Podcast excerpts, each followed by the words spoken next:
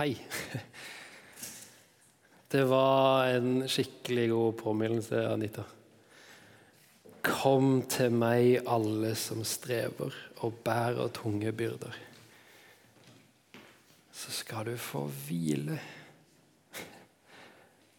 Det har liksom vært et favorittvers som har fulgt meg ganske lenge, og som jeg med jevne mellomrom glemmer litt ut.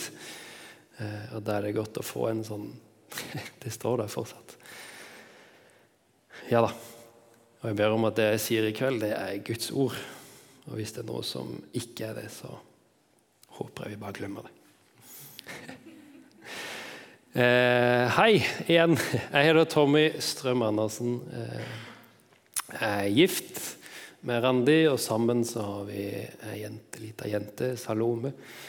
Eh, jeg er 28 år, eh, og så eh, jobber jeg, og for så vidt kona mi også, eh, som ungleder her i Misjonshuset. Som leder for, for denne forsamlinga som du er en del av akkurat nå.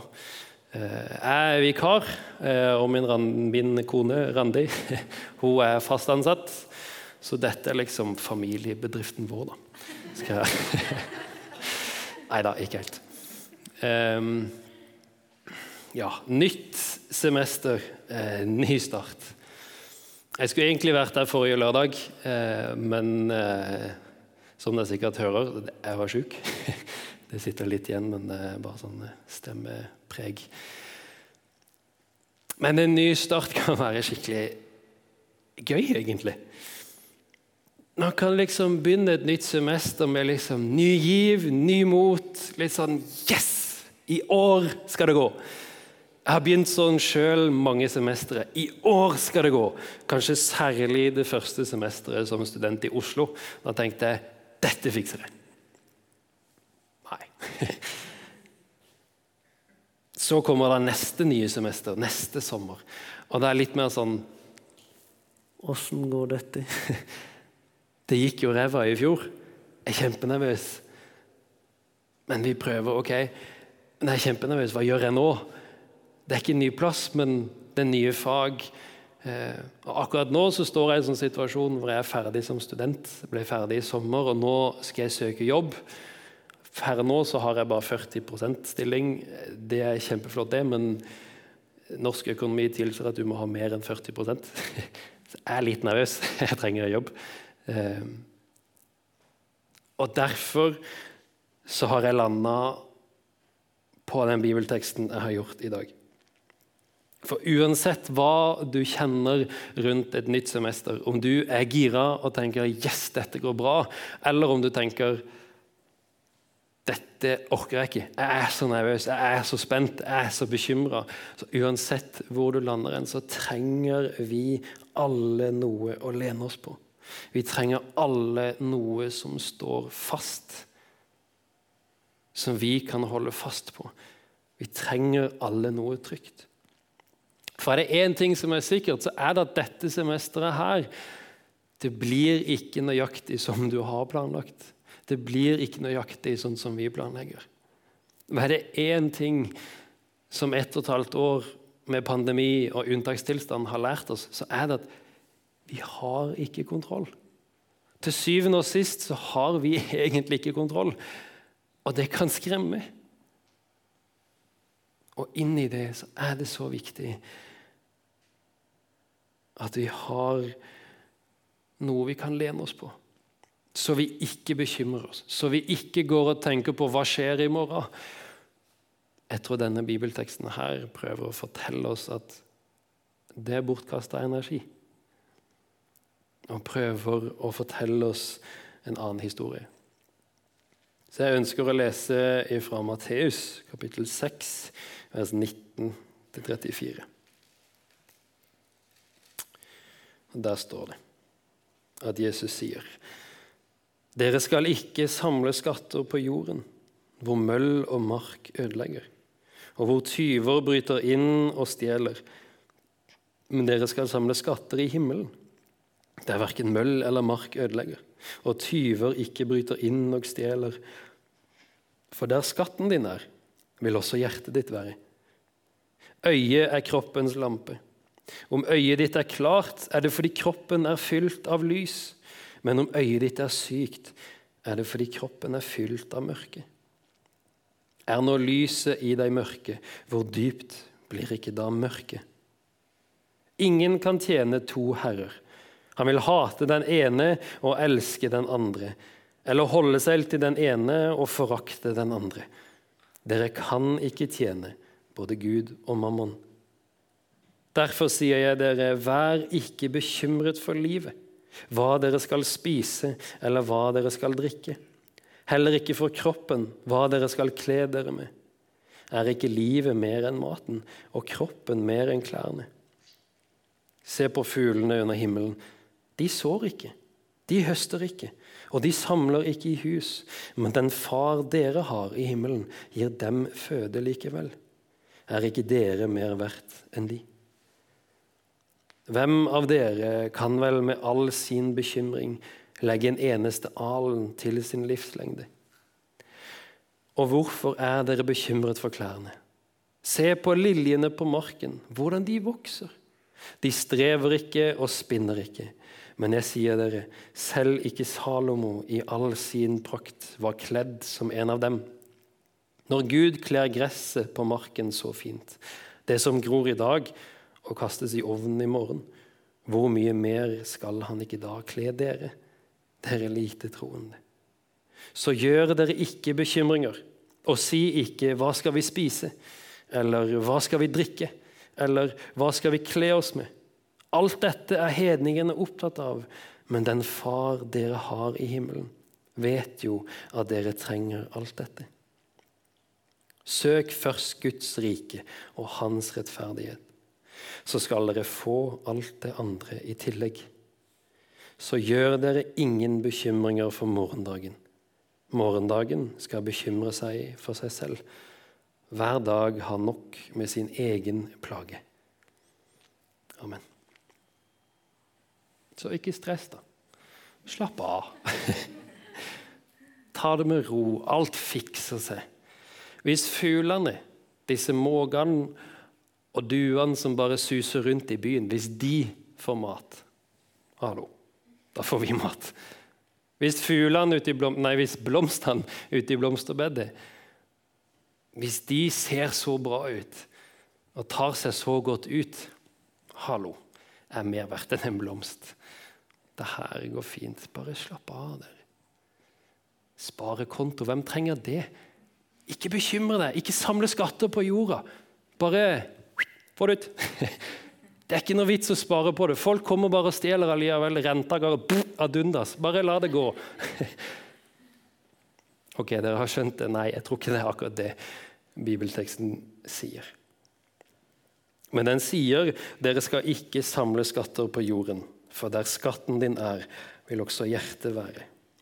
Og nei, det betyr ikke, tror jeg, at bankkontoen ikke skal gå i pluss hver måned alle her inne så er vi tidlig i livet, forhåpentligvis.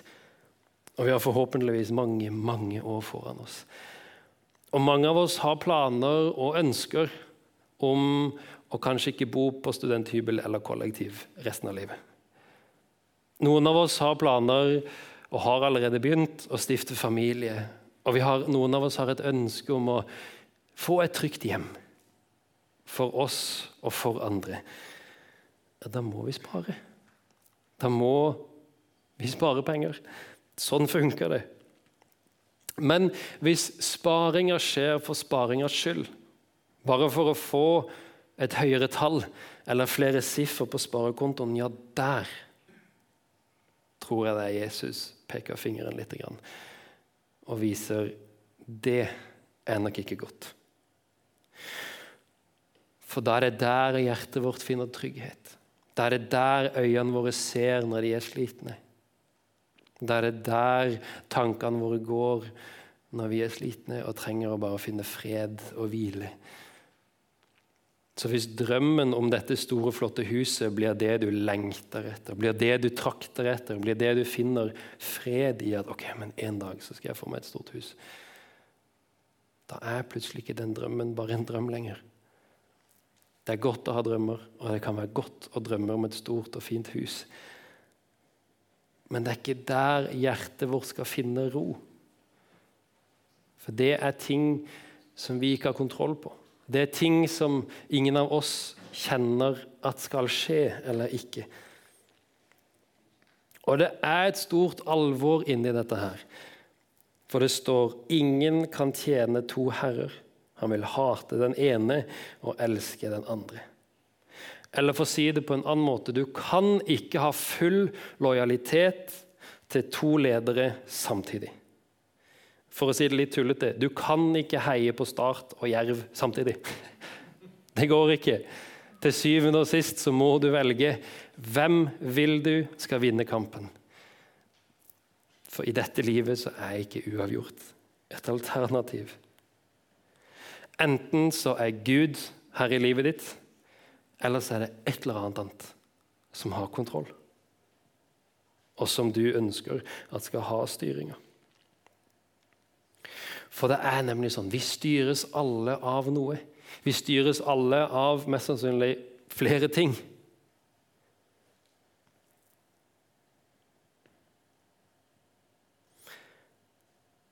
noe som påvirker valgene våre. Det er noe som påvirker hvordan vi ser på ting, og hvordan vi lever. Og Når det gjelder dette med penger igjen, så er det klart Vi skal ikke skamme oss over at hvis de er fornøyd med at det går i pluss. Vi skal ikke skamme oss hvis vi er fornøyd med at ok, jeg fikser dette med privatøkonomi. Jeg klarer å bruke mindre enn jeg får. Jeg klarer å spare. Jeg klarer å jobbe mot dette målet som jeg ønsker. Det skal vi ikke skamme oss over. Og det kan være godt. Og Jeg tror ikke at Gud vil at vi skal bekymre oss for penger. Kanskje har du det på hjertet at du skal det, men jeg tror ikke eller ikke at du skal bekymre deg, men kanskje har Gud på hjertet det at du skal gi mer. Kanskje. Men essensen jeg tror ikke vi skal gå rundt og bekymre oss for penger. Og Det er her det kommer inn litt det her med fokus og perspektiv. I teksten står det at øyet er kroppens lampe. Og hva betyr det? Har jeg tenkt. Teolog, teologen som leser bibelteksten. Spørsmål over alt. Jo, betyr det at øyet kaster lys utover i kraft av det som er på innsida? Eller betyr det at øyet kaster lys innover i kraft av det som kommer utenfra? Eller forklart på en annen side, på en annen måte Blir det vi ser på, prega av oss? Eller blir, det, eller blir vi prega av det vi ser på? Og jeg tenker ja. Begge deler. For hvis vi er fylt av glede, hvis vi er fornøyd Det er klart det syns. Det er klart det merkes rundt oss. Når jeg har en god dag, så er det lettere for meg å rydde litt. Da er det lettere for meg å plukke opp den søpla som ligger og flyter. Da er det lettere for meg å være høflig med de jeg møter, og smile til de jeg ser. Men hvis jeg har en dårlig dag, så påvirker jo det hvordan jeg forholder meg til folk. Jeg driter litt i hvordan det ser ut rundt meg. Eh, jeg bryr meg ikke nødvendigvis hvis jeg ikke treffer søppelbøtta hjemme med det jeg skal kaste.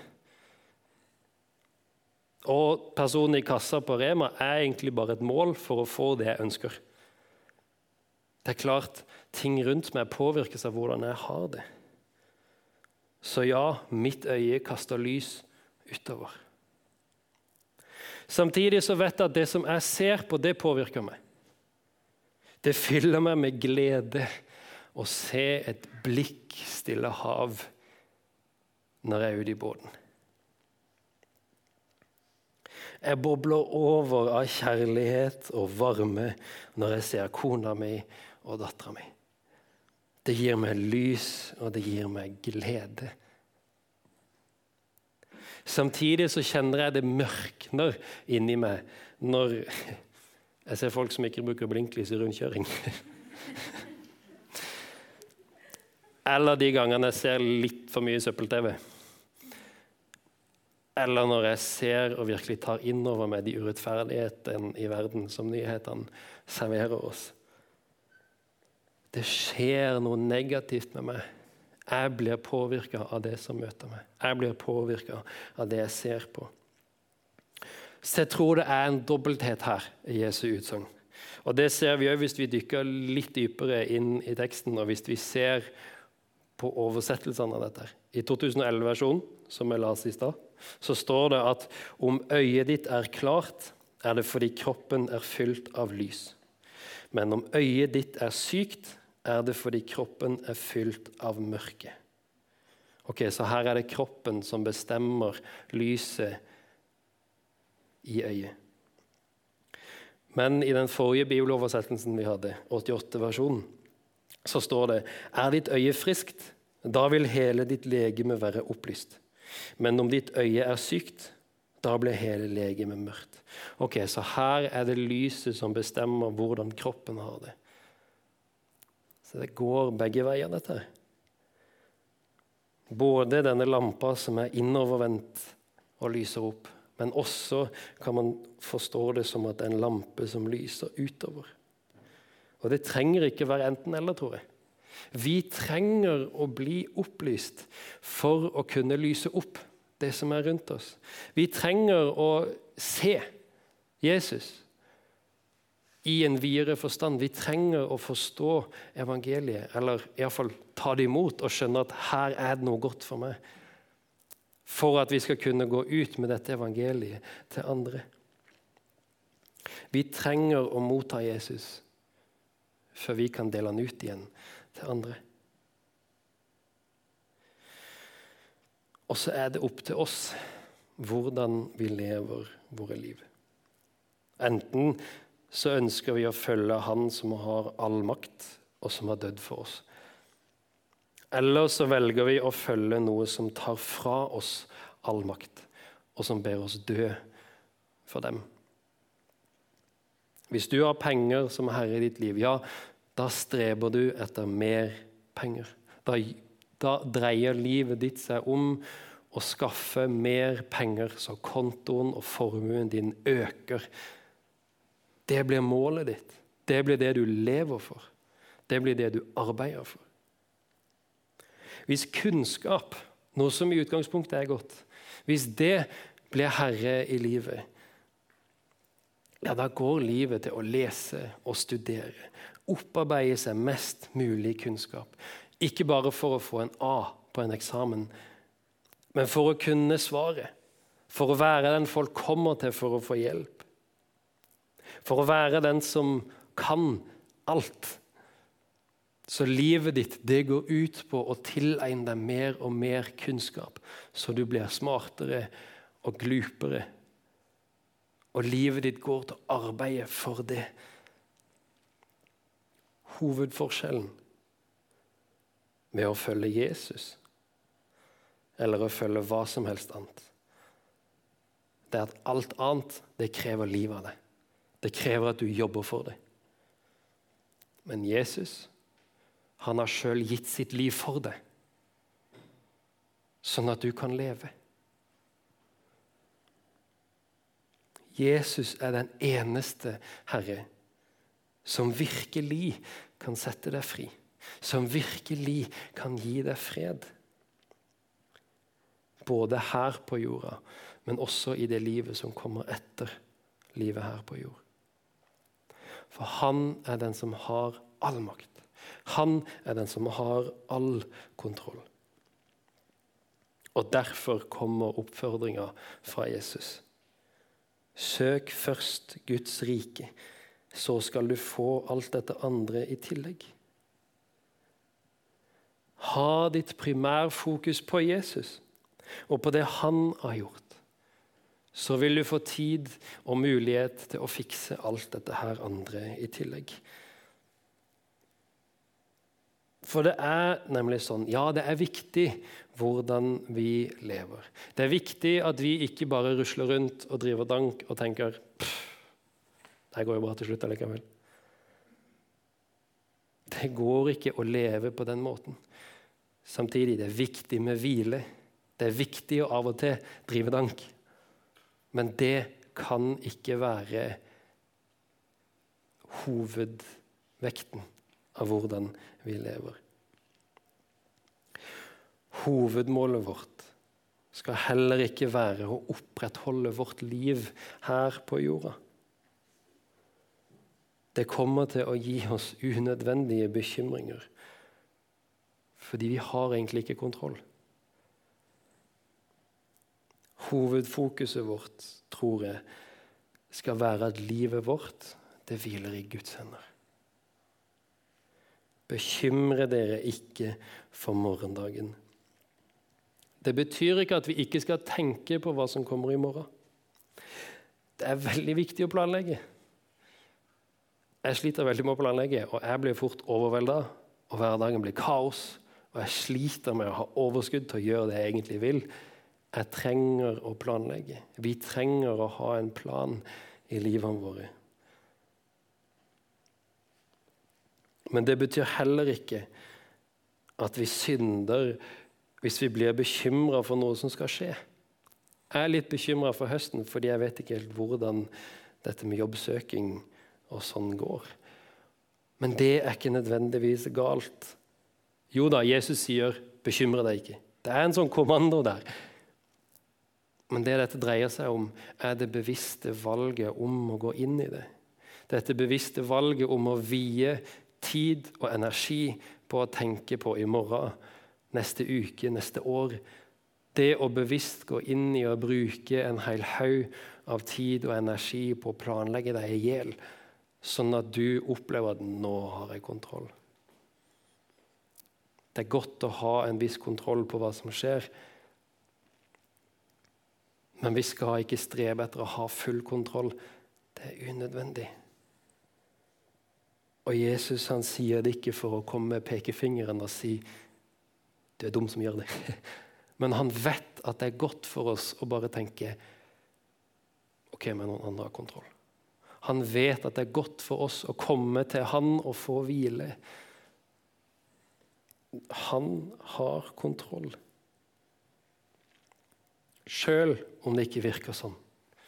Sjøl om vi er bekymra for økonomi, for hvor vi skal bo, for hvilke fag vi skal ta, om vi er på rett studie, om vi er med den rette mannen eller dama.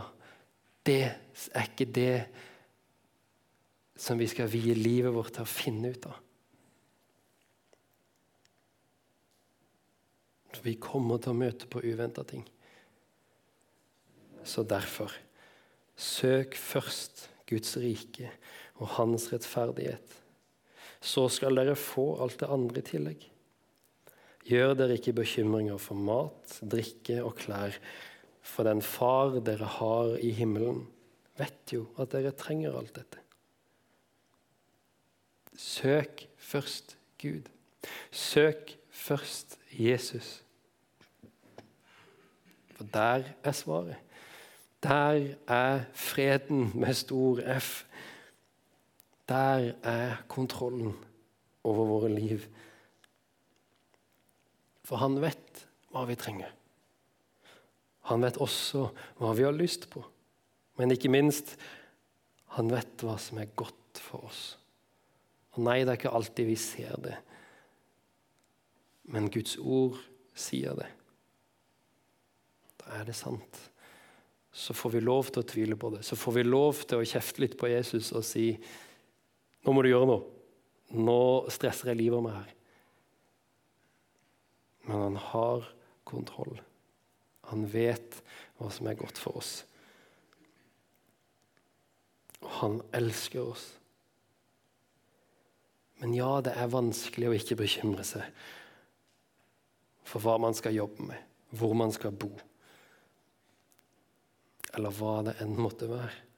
Og For noen så vet jeg at det er umulig å ikke bekymre seg. Det er umulig å ikke gå inn i denne spiralen som du vet bare tapper energi. Og det er ikke det jeg tror Jesus kaller synd, når du ikke klarer å stå imot det. Og Jesus sier, 'Kom til meg, og jeg skal gi deg hvile'. Men det er ikke alltid vi får det til, og derfor er det så sinnssykt viktig at vi har et fellesskap å gå til. At vi har noen vi kan snakke med, noen som kan hjelpe oss. Igjen, ja, jeg er ofte bekymra for høsten, men kona mi sier gang på gang at det her kommer til å gå. Hvis du ikke får jobb her, nei vel, da kommer Gud til å vise oss en plass vi skal flytte til hvis vi må det. Vi trenger sånne folk i våre liv som sier at ja, men pust litt, vent litt. Hva er det som skjer? Hør hva Jesus sier til oss. Og Som ungleder her så er det ikke så viktig Det viktigste for meg er ikke om du går her eller om du går en annen plass. Du er hjertelig velkommen hvis du vil gå her fast. Men det viktigste i mitt hjerte, og som jeg ønsker å si i dag, det er at vi finner oss et fellesskap hvor vi kjenner oss hjemme. Og at vi finner ei smågruppe som vi kan være med og snakke med. Og til du som har gått her ei stund, til du som har bestemt deg for at her skal jeg gå Se de nye. Ta vare på de som kommer. Hvis du er i en smågruppe, ta vare på de som trenger en plass å være. Fordi sammen er vi fellesskapet som vinner det evige liv. Ikke fordi vi er så sabla gode, ikke fordi vi ikke stresser, men fordi Han har gjort alt. Og fordi vi minner hverandre på hvor veien går. Sammen så får vi dette til.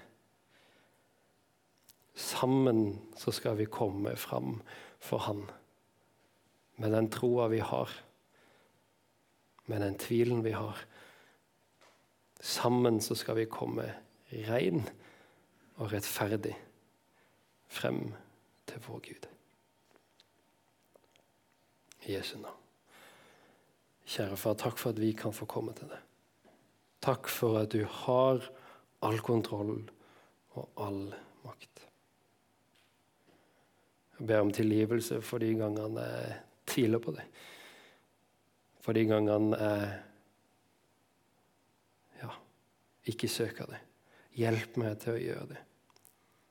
Hjelp meg til å være en del av et fellesskap som hjelper andre til å søke deg først Jeg ber om at du må være her med din Hellige Ånd.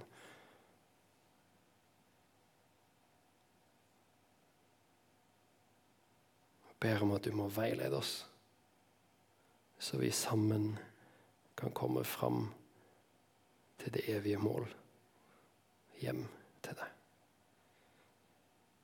I Jesu navn. Amen.